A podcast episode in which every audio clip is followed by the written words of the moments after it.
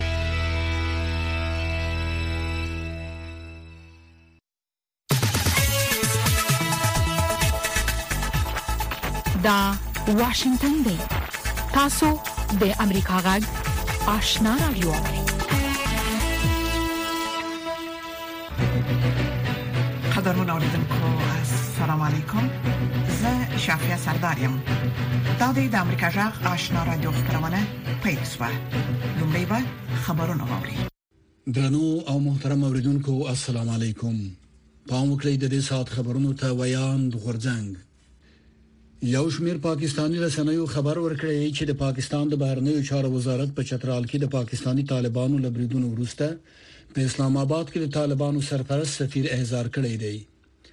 د رسنیو د سرچینو له قوله لیکلي د پاکستان د بهرنیو چارو وزارت د طالبانو سرپرست سفیر ته په چترال کې په پا پاکستاني پوسټو په بریدونو کې د افغان خاورې د کارول کېدو په اړه خپل اعتراض پارلی دی د طالبانو حکومت رسمن په دې اړه څه نه دی ویلي خو وړاندې یې په پاکستان کې د بریدونو په اړه د افغانستان د خاورې کارول کېدو په اړه د پاکستاني چارواکو څرګندونې تل رد کړې دي د شانګهای سازمان د غړیو هیوادونو د استازو په غونډه کې په افغانستان کې د تروریستي فعالیتونو زیاتېدو ته اندېښنه ښکاره شوه دا غونډه د قزاقستان په پلازمینه آستانه کې د جمعې په ورځ جوړه شوه د قزاقستان د ملي امنیت د شورا مرستيال د شانګهای د غړو هیوادونو د تروریزم ضد څانګې په چوکاټ کې جوړ شوی غونډه ته وویل چې په افغانستان کې د ترهګرو ډلو وده د شانګهای سازمان د غړو هیوادونو پروژو ته ریښتینی ګواښ دی رسلان سیسمبایوف زیاته کړه چې لشته اطلاعاتو دوی دا پایله اخیستې ده د بشري حقوقو د څار سازمان وايي طالبان په افغانستان کې د ښځو او نجونو په جنسيتي ځورونې د بشريت ضد جنایات تر سره کړي دي د بشري حقوقو د څار سازمان وايي د یاد سازمان د 2021م کال چیرنې ښیي چې طالبانو د بیلا بیلو قطبي یا اعلان شویو فرمانونو په صادرولو سره ښځې او نجونې ځورولې او د بشريت ضد جنایات تر سره کړي دي د طالبانو حکومت تل دغه ډول ادعاګانې رد کړې دي د بشري حقوقو د څار سازمان د جمعې په ورځ د راپور په خبرولو سره وویل چې طالبانو تر بیا ځلي واکمنې دوه وروسته داسې قوانين او پالیسۍ وضع کړې چې خځه او جنې د دوی د جنسیت لامل له اساسي حقوقو به برخې کړې دي په افغانستان کې د ملګرو ملتونو د خوړو نړیوال پروګرام بهرنیو مرستو ته انتظار دی د دې ادارې ویاند وحید الله امانی ازادي رادیو ته وویل نړیوالو د مرستو ژمنه ورسره کړې خو ژمه را روان دی او تر دې دمه دا ژمنې نه دی پر ځای کړې د امانی په وینا کې ژر تر ژره د خړو نړیوال پروګرام سره مرستې ونشي نو د ژمي پر مهال به د لری پرتو سیمو خلک په ځانګړي ډول هغه کورنۍ چې سرپرستی کونډې کوي له سختو ستونزو سره مخامخ شي اماني دا هم وویل چې د اوس لپاره د یوازې ل 3 میلیون افغانانو سره مرستې کولای شي له امریکا غږ څخه خبرونو ته دوام ورکوي امریکایي چارواکي وايي متحده ایالاتونه به خای د لری واټن وشتونکو تاکتیکی توغندیو سیستم اوکراین ته ورکړي دا سیستم چې د اټک ایمز په نوم یادېږي تر 300 کیلومترو پورې هدف وشتلی شي دا تر امریکایي امرز توغندیو چې اوس اوکراین د روسیې پر ضد په جګړه کې ترې استفاده کوي لري واټن وشتلای شي کیف له څو میاشتو راهیسې له واشنگټن د اټک ایمز توغندیو د ترلاسه کولو په لټه کې دی د مراکش دولتي تلویزیون نن دغه هیواد کورنیو چارو وزارت په وینا خبر ورکړ چې د تیرې شپې د زلزلې لامل لک تر لګا تاسو شل کسان مړ شوي دي او شپږ سو دوه یا نور ټپيان شوي دي د خبر لمخې ټپيان روغتونونو ته انتقال شوې دي د مراکش چارواکو اندېښنه څرګنده کړې ده چې د پلټنې د عملیاتو په ترڅ کې ښایي څرګند شي چې نور تلفات به هم اوښتي وي د امریکا د متحده ایالاتونو د زلزلې پیژندنې ادارې په وینا دا زلزلہ د ریکټر په کچه شپږ اشاریه اته درجه و د متحده ایالاتو د مذهبي آزادۍ کمیسیون د فرانسې د حکومت هغه پریکړه وغندله چې په ښوونځیو کې د هغو جامو په اغوستو باندې بندیز لګولای چې مسلمان نجونې او میرمنې یې اغوندي دا کمیسیون چې د متحده ایالاتو حکومت ته سلام مشورې ورکوي خو د پالیسۍ په جوړولو کې نقش لري ویلي چې په دا ډول جامو بندیز لګول په فرانسه کې د مسلمانانو ډارول دي د دې کمیسیون مشر ابراهیم کوفر ویلي چې د ابایو په غوستو بندیز ناکام هڅه ده چې د فرانسې چارواکو ویلي د سیکولري نظام ترویج کولو لپاره یې کوي خبرونه په همدې ځای پای ته ورسېدل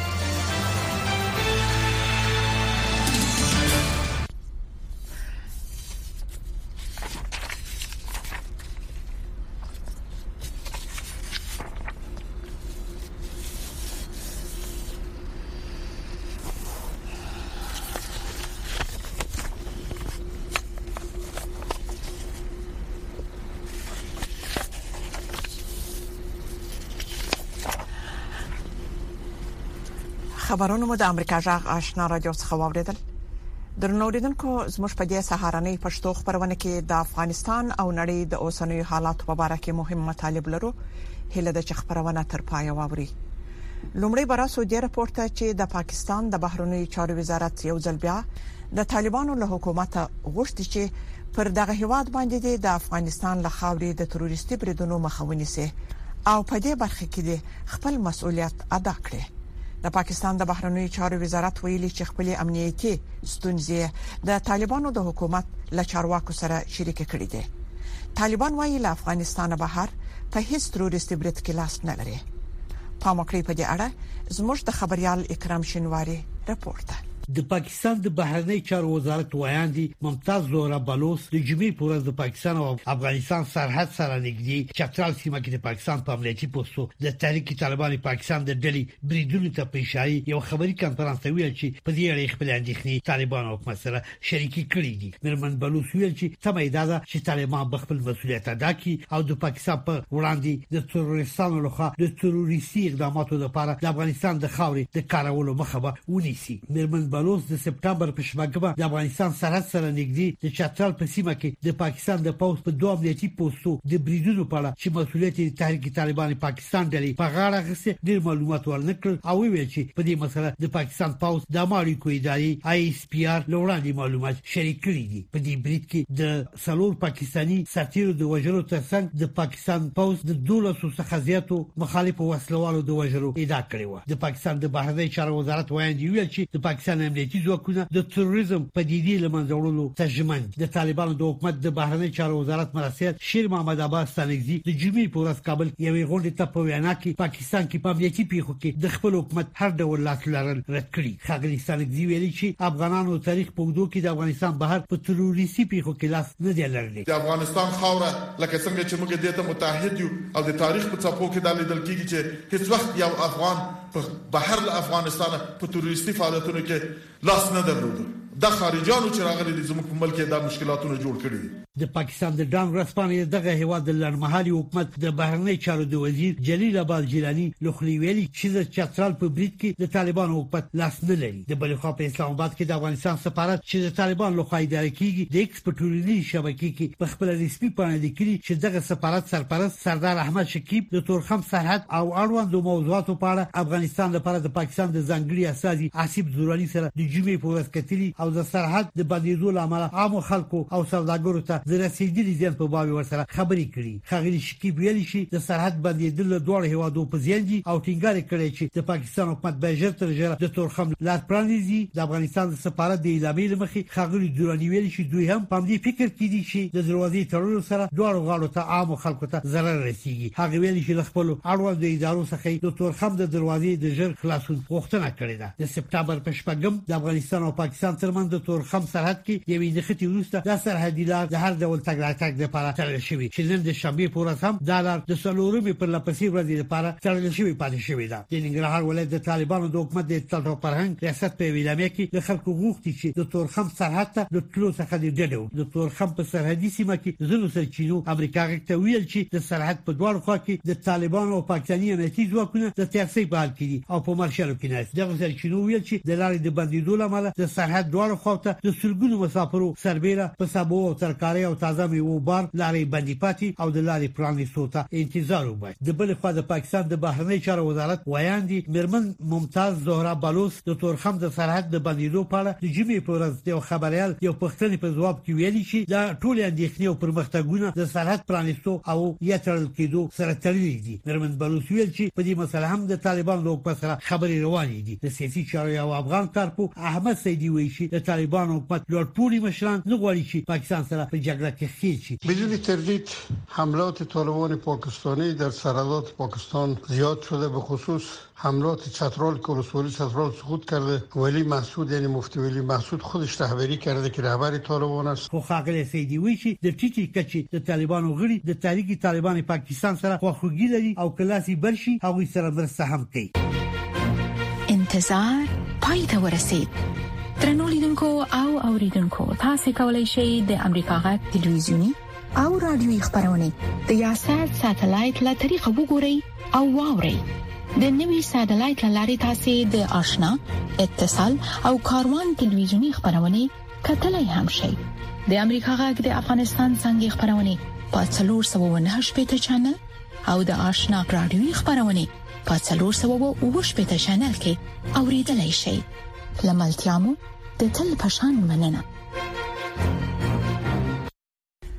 د امریکا جغ آشنا رادیو څخه تاسو زموږ د خبرونه اوري د پاکستان د بهرنیو چارو وزارت په اسلام آباد کې د طالبانو سرپرست سفیر احضار کړی دی چارواکو یو ځل بیا د طالبانو له حکومت غوښتي چې پر دغه هیواد باندې د افغانستان له خاورې د تروریستي بریدونو مخه ونیسي او په دې برخه کې د خپل مسولیت تر سره کړي د بلې خوا د شانګهای سازمان د غړو هیوادونو د استازو په غونډه کې په افغانستان کې د ترهګریزو فعالیتونو زیاتېدو ته اندېښنه ښودلې ده نور حال په رپورت کې واوري یو شمیر پاکستاني رسنیو خبر ورکړی چې د پاکستان د بهرنی چارو وزارت په چترال کې د پاکستاني طالبانو له برید وروسته په اسلام آباد کې د طالبانو سرپرست سفیر احضار کړی دی د رسنیو د سرچینو له قول لیکلي د پاکستان د بهرنی چارو وزارت د طالبانو سرپرست سفیر ته په چترال کې په پاکستاني پوستو په بریدونو کې د افغان خاورې د کارول کېدو په اړه خپل اعتراض سپارلی دی د طالبانو حکومت رسما په دې اړه څه نه دی ویلي پر همدې مهال د پاکستان د بهرنیو چارو وزارت یو ځل بیا د طالبان له حکومت غوښتي خپل مسولیت ادا کړي او له خپل خاورې دی د ترهګریزو بریدونو مخه ونیسي مونږ د دې وروستۍ پیښې په اړه خپل اندېښنې د افغانستان منځمهاله ادارې یعنی طالبانو حکومت چارواکو ته رسولې دي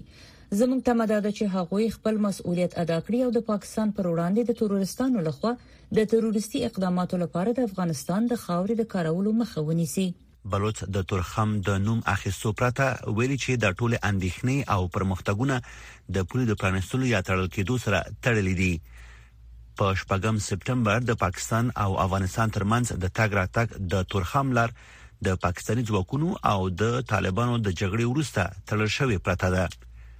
طالبان داوا کړې چې پوسټه ترمیم کوله او پاکستاني ځواکونو پرې ډزې کړې دي خو پاکستاني چارواکو ویلي ډزې لومړی طالبانو کړې وي.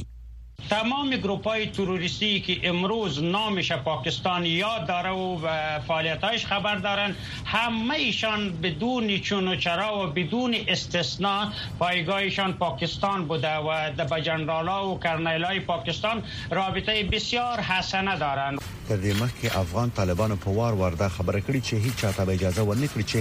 د افغانستان له خاورې څخه د نورو په ضد کار واخلي. د پاکستان د بهرنیو چارو وزارت ویاندې ممتاز زهرا بلوچ ادعا وکړه چې په افغانستان کې ډېره امریکایي وسله پاتې چې یوه برخه یې د ترهګرو لاسونو ته لوېدلې ده. خو د امریکا د ملي امنیت شورا دا تور رد کړ. د دې شورا ویاند جان کربي د تېرې پنجشنبې په ورځ وویل چې د دوی ځواکونو محدود شمېر تجهیزات د کابل په هوایي ډګر کې پریښي وو چې هغه هم د استفادې وړ نه وو. بلخوا د شانګهای سازمان د غړو هېوادونو استازو د قزاقستان په پلازمېنه استانه کې د جمعې په ورځ غونډه کې په افغانستان کې د ترهګریزو فعالیتونو زیاتیدو ته اندېښنه ښکاره کړه. د قزاقستان د ملي امنیت د شورا مرستیال وایي چې په افغانستان کې د ترهګر ډلو وده د شانګهای سازمان د غړي هیوادونو پروژو ته ریښتینی ګواښ دی. په ورته وخت کې سی ان ان د امریکا د استخباراتو د معلوماتو پر اساس په تازه چیرونو کې ویلي چې په افغانستان او پاکستان کې د القاعده ډلې د بیا پیاوړي کېدو او سر پورته کېدو امکان نه لیدل کیږي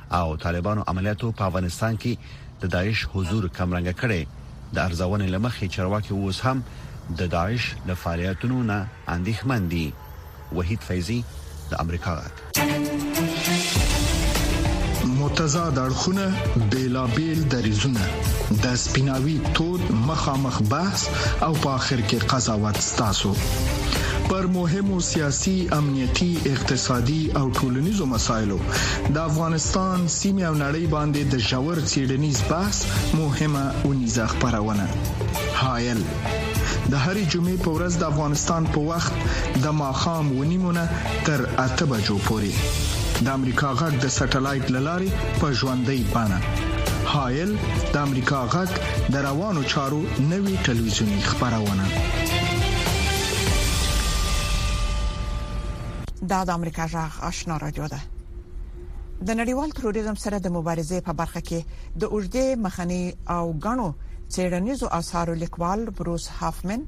وایي چې په افغانستان کې د طالبانو بیرته واک ته رسیدل ل ناورین څخه کم نه دي نو موري وایي دا نه یوازې دا چې خپل سری مستبده تبعیضي او مذهبي سختریزي او د میرمنو ضد ډله ده بلکې د افغانستان فتح د القاعده په ګډون د ټول نړۍ تروریستانو ته د یوې بریالۍ بیلګې په توګه وړاندې کړې ده هغه د امریکا جغ سره د ځنګړې مرکې په ترڅ کې په پیل کې د 2023م کال تر ټولو خونړۍ تروریستي شبکې داسې معرفي کړې د القاعده ډله او داعش یا اسلامي دولت دواړه شبکې تروریستي ډلې دي په دې ډلو کې بیا ځنې ځانګړې شاخې سمې پاملرنې ته اړتیا لري د مثال په توګه د داعش په څنګه کې په افغانستان کې پر داعش تمرکز زیات دی او دوی خورا فعال او دوی خورا وژونکي دي چې په ځانګړي ډول هزاره او شیعه مذهبي بنسټونه په نکه کوي خو زه فکر کوم چې په اوږد مهال کې د تروریستي ډلو لخوا تر ټولو خورا جدي ستراتیژیک ګواښ د القاعده لخوا پیښیدلای شي سره لدې چې دا حقیقت فعلا نسبتا خاموش دی او آیا د داعش د فعالیتونو زیاتوالی به په افغانستان کې د بارانیانو د بیا ښکیلتیا لامل شي زه فکر نه کوم چې د داعش خراسان د ترهګرې ډلې وده او فعالیت د متحده ایالاتو د کوم ډول غبرګون سبب شي زما په اند دا دنده افغان طالبانو ته سپارل کیږي چې دوی ورسره معامله وکړي ځکه دوی وایي چې ترهګر په خپل ښه پوهیږي چې څنګه د نورو ترهګرو سره مقابله وکړي خو باید وایو چې د داعش په وړاندې د طالبانو کمپاین دومره د پام وړ نتیجه نه ده ورکړې. او په دوه زره یوم کې د متحده ایالاتو د برید هدف د القاعده او د هغه وخت د طالبانو د رژیم ړنګول وو د ملګرو ملتونو په وینا القاعده شبکه بیرته په افغانستان کې ژوندۍ شوې او ځای نیولې نو د طالبانو راتګ د تروریزم سره د مبارزې په برخه کې څه ډول ویني د طالبانو بیرته راستنیدل له ناورین څخه کم نه دي، دا نه یوازې دا چې مطلق العنان، استبدادي، تبعیضي او سختدریځه مذهبي او په واک متعصبه ډله ده، بلکې د افغانستان فتح یې د القاعدې په ګډون د ټولې نړۍ تروریستانو ته د یوې بیلګې په توګه وړاندې کړې ده، حتی هغو ډلو ته یې هم الهام بښلی چې ورسره هیڅ تړاو نه لري، مثلا د غزې په تړانګه کې د حزب الله او د لبنان حماس ډلې او طالبانو لکه څنګه چې تاسو پوهیږئ د دوه په تړون کې لنړی سره ژمنه کړې و چې د افغانستان په خاور کې به هیڅ ترهګرې ډلې ته پټنځای نه ورکوي خو ایمان الزواهری د کابل په زړه کې وژل شو دا د طالبانو په اړه څه وایي او آیا په دوی باور کېدای شي نه بلکل نه، موږ په نویمه لسیزه کې ورته ژمنې ترلاسه کړې وې. موږ ته د طالبانو له خوا ډاډ راکړل شوی و چې دې ته به اجازه نه ورکوي چې افغانستان د نړیوال تروریزم په یوه مرکز او د حملې لپاره د خېز په تختې بدل شي او دوی به د نړیوالو نورمونو او بشري حقونو ته غاړه کېږدي او دا ژمنې د نولس سوه نوي لسیزې څخه د 2001 کال د سپتمبر تر 11 نیټې بریدونو پورې په بشپړه توګه ناسمې ثابت شوې نو اوس به شل کاله وروسته ولې بیا په دې باور اوسو چې نوی طالبان رامنځته شوی چې د اعتماد وړ بوي په حقیقت کې ما له څو امریکایي چارواکو سره چې د دوه په خبرو کې برخه اخیستې و خبرې کړې دي ټول دا راته ویلي چې طالبانو دوی ته په ډیرو نورو شیانو کې هم دروغ ویلي دي او د ځنو تړونونو په عملي کولو کې پاتې راغلي دي طالبان د القاعده سره د خپل نږدې اړیکو په اړه خورا صادق وو ما دا لډیرو خلکو څخه اوریدلې دي چې طالبان ویل چې القاعده زموږ ملګری دی موږ به هیڅ کله له دوی څخه مخوانه لو حتی د دوه د خبرو د میز تر شا هم د القاعده ځنې غړي ناست وو خو امریکا له افغانستان څخه د وتلو لپاره دومره لیواله و چې موږ د طالبانو په ټولو ژمنو باور وکړ او اوس د حیرانتیا خبره یې بولو له طالبانو سره د معاملې او د ترهګرۍ ضد هڅو له دغو ټولو تجربو څخه چې په تیرو شلو کلونو کې وشوي لدې هڅو او پریکړو څه ډول تاریخي درس اخیستل کېدای شي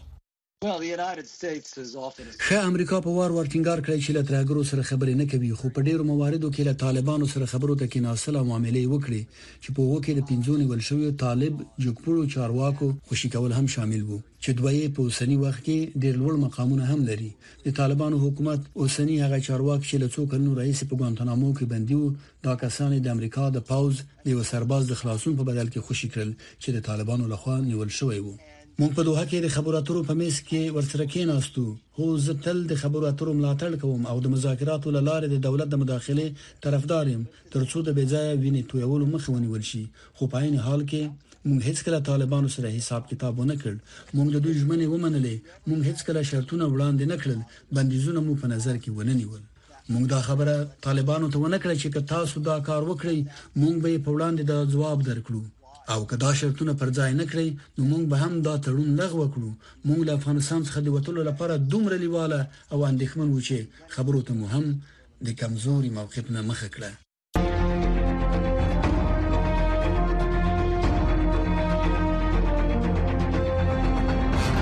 اتصال زموږ او ساسي پیوستون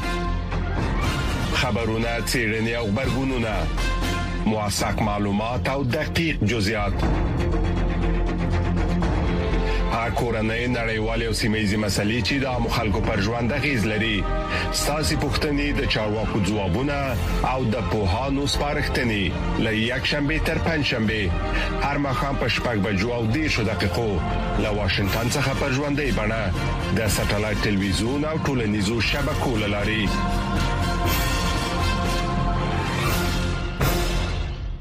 د امریکا جغ آشنا رادیو څخه رپورټونو ته دوام ورکوو د امریکا جمهور رئیس د شلو سترو اقتصاد لرونکو هیوادونو جی شل په سرمشريزه کې د ګډون لپاره هند ته د ورتللو پر مهال له توت هرکلی سره مخامخ شو د هند لومړي وزیر نریندا مودي د دغه غونډې کوربتوب په نړیواله کچه د هند لپاره یو لاستراوړنه ګڼي نور حال پر پورت کوي د امریکا ولسمشر نوي ډیلي ته له رسیدو سمدستي وروسته وویل چې هند ته په ورتللو خوشاله دی. بایډن وروسته د هند له لومړي وزیر نریندرا مودي سره یو په یو لیدنه وکړه. تمه دا ده چې د جي شل سرمشریزه به د اوکراین د حالاتو په اړه بحثونه وکړي. بایډن وايي د دغه سرمشریزه مشرانو ورته ویلي چې له بحثونو د سمدستي پایلو تمه لري.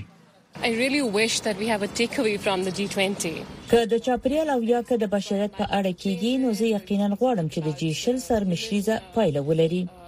د جي شل سرمشریزې پر مهال د نوي ډیلي سرکونه او کوڅې تړل شوي او خاموشې دي. ماته د نوي ډیلي دغه بڼه چې اوس یې لري ډیره په زړه پورې ده. زه نه پوهیږم چې د ښار سوالګر چیرته تللي دي. زه مطمئنه یم چې هغوی به په ښه ځای کې وي. پوښتنه دا ده چې هند ته د خپل اوږد تاریخ او لرغوني تمدن په درلودلو سره په نړیواله کچه ارزښت ورکول کیږي؟ I think US is taking. زه فکر کوم د امریکا متحده ایالتونه هند جدي ګڼي ځکه اوسمهال د سوق الجیشي ارزښت له مخې دواړه له چین سره ښې اړیکې نه لري له دې امله د امریکا لپاره په جنوبي اسیا کې یوازینی انتخاب هند دی دا یې مجبوریت دی. په سرمشریزه کې ګډون کوونکي نور امریکايي چارواکي هم دغه غونډه د پرمختللي او مخ پر ودې هیوادونو دواړو لپاره یو کلیدي فرصت ګڼي. زه فکر کوم دا مهمه ده چې د نړیوالو ننګونو د حل سره د مرستې لپاره پر جي شل د یو مهم مرسته کوونکي په توګه ټینګار وشي. موږ دې سازمان ته د نړیوالو اقتصادي ننګونو په ګډون د نورو مهمو نړیوالو ننګونو په ځانګړې توګه هغه چې د درېیمې نړۍ هېوادونه ورسره مخ دي، د حل لپاره د یو تر ټولو مهم سازمان په سترګه ګورو. نن د غونډې په لومړۍ ورځ جي شل مشرانو افریقايي ټولنې ته په دغه سازمان کې دایمي غړیتوب ورکړ. د دې کار موخه د افریقا لویې وچې ته په نړیواله کچه د یو قوي رول لوبولو فرصت ورکول دي. احمدالله ارچیوال.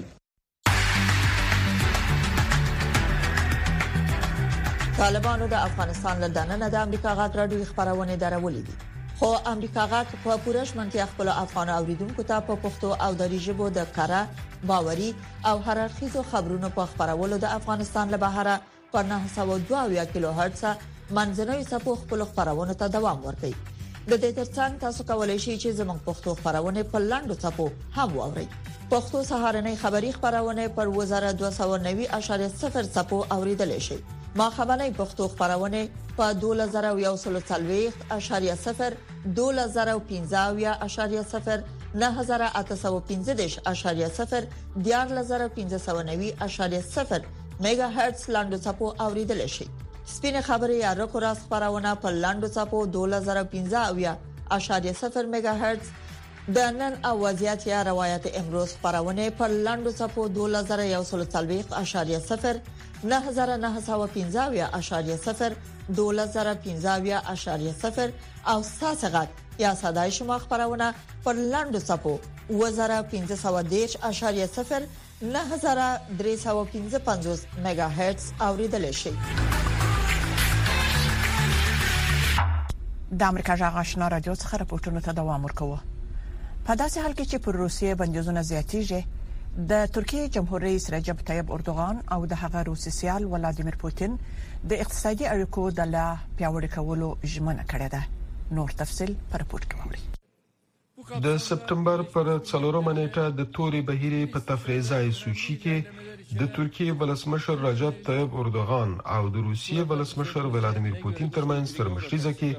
د انرژۍ د سکتور ګرځندوی او باندنۍ پانګې اچونې په ګډون په بیلابیلو برخو کې د همکاریو ژمنې وشوې د دوړو هیوادونو ترمنځ اړیکې ورسته لا په خرابېدو وی چې اردوغان په ناټو کې د اوکراین د غړیتوب لپاره چنې ووهلې. شنونکي وايي چې د سوچي د سرمشریزې پایلې ښيي چې د روسیې ولسمشر د ترکیې د ولسمشر سره اړیکې له نظره نه شي غورځولای. پوتین او اردوغان بایلل نه شي زغملای. زما موخه دا ده چې دا یقیني خبره ده دوی دې ته چې اردوغان د لویدیځ او د لویدیځ له ادارو سره څه کوي، ارزښت نه ورکوي. دوی ته دا خبره چې د اردوغان سره څه ډول همکاري کولای شي مهمه ده او دوی په ډېرو ساحو کې همکاري کوي. روسي چارواکو د چهارشنبې په ورځ ومنله چې اردوغان به د قطر په ملتیا شپږو افریقايي هېوادونو ته یو میلیون مټریک ټنه غنم صادر کړي. د دې پرېکړې له مخې به ترکیه غله په اوړو بدله کړي. ترکیه به د کور دننه اړتیا پوره کولو په موخه د روسیې څخه هم غله وارده کړي. شنونکي اندېښمن دي چې کېدای شي روسیه به د خپلو غلو په نوم د اوکراین غله چې له هغه هېواده یې غلا کړې ده، صادره کړي، چې دا به له نړیوالو بندیزونو څخه سرغړونه وي. له دې سره به دا اندېښنه هم زور واخلي چې ترکیه د روسیې پر خلاف د بندیزونو په عملي کولو کې مرسته نه کوي. شنونکي وايي چې پر روسیې د بندیزونو د سختېدو سره سم، روسیې ته د ترکیې ارزښت لا زیاتیږي. په ترکیه کې داسې ډېر خلک شته چې د روسیې د ګټو سره مرسته کوي. دوی د روسیې سره د لویدیځو هېوادونو د محصولاتو اخیستو کې هم مرسته کوي. په دغو توکو کې اړین توکي او ځینې ډېر حساس توکي هم شامل دي. د دوشنبې په ورځ اردوغان او پوتین ژمنه وکړه چې د ترکیې او روسیې ترمنځ د سوداګرۍ موجوده کچه به له اویا میلیارو ډالرو څخه سلو میلیارو ډالرو ته لوړه وي. په دې کې ترکیه د روسیې د تېلو د وېش په سیمه ییز مرکز بدلول هم شامل دي. د سوچي غونډې وښودله چې د روسیې او ترکیې ترمنځ همکاري زیاته شوې او دواړه اړخونه یو د بل لپاره اړین دي. دوی خبرو ته دوام ورکوي او د مسکو او انقرې ترمنځ د همکاریو په کتاب کې یو نوی څپرکی اضافه شو. شنونکي وايي چې د روسیې او ترکیې ترمنځ د اقتصادي همکاریو ژورېدلو د ترکیې سره د لویدیځو هېوادونو اړیکې خړې پړې کړې دي. لویدیځ د مسکو د منزوي کولو هڅه کوي، خو د مسکو او ترکیې اړیکې ښايي لویدیځ ناهیلي کړي. احمد شکیب، د امریکا غږ، واشنګټن.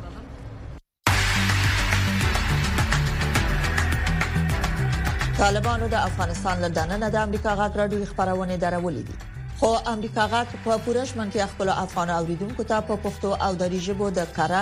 باوري او هررخیزو خبرونو په خبرولو د افغانستان له بهره په نهه سوه دوه اویا کیلو هرتز منځنیو څپو خپلو خبرونو ته دوام ورکړئ.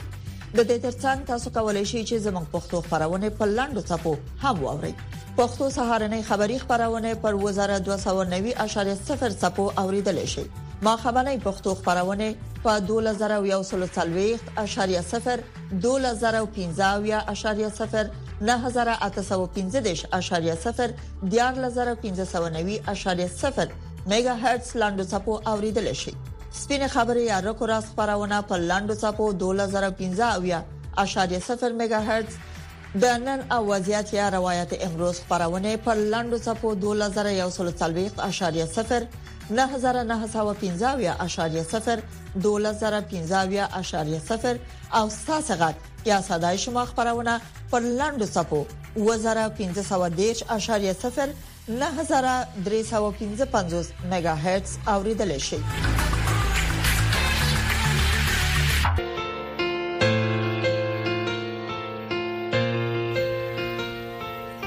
درنو لیدونکو زموږ د خبرونه په همدې ځای پای ته ورسیده د امریکا جغ آشنا را دوه خبرونه دوام لري ستاسو ټول څه مننه چې زموږ خبرونه اوري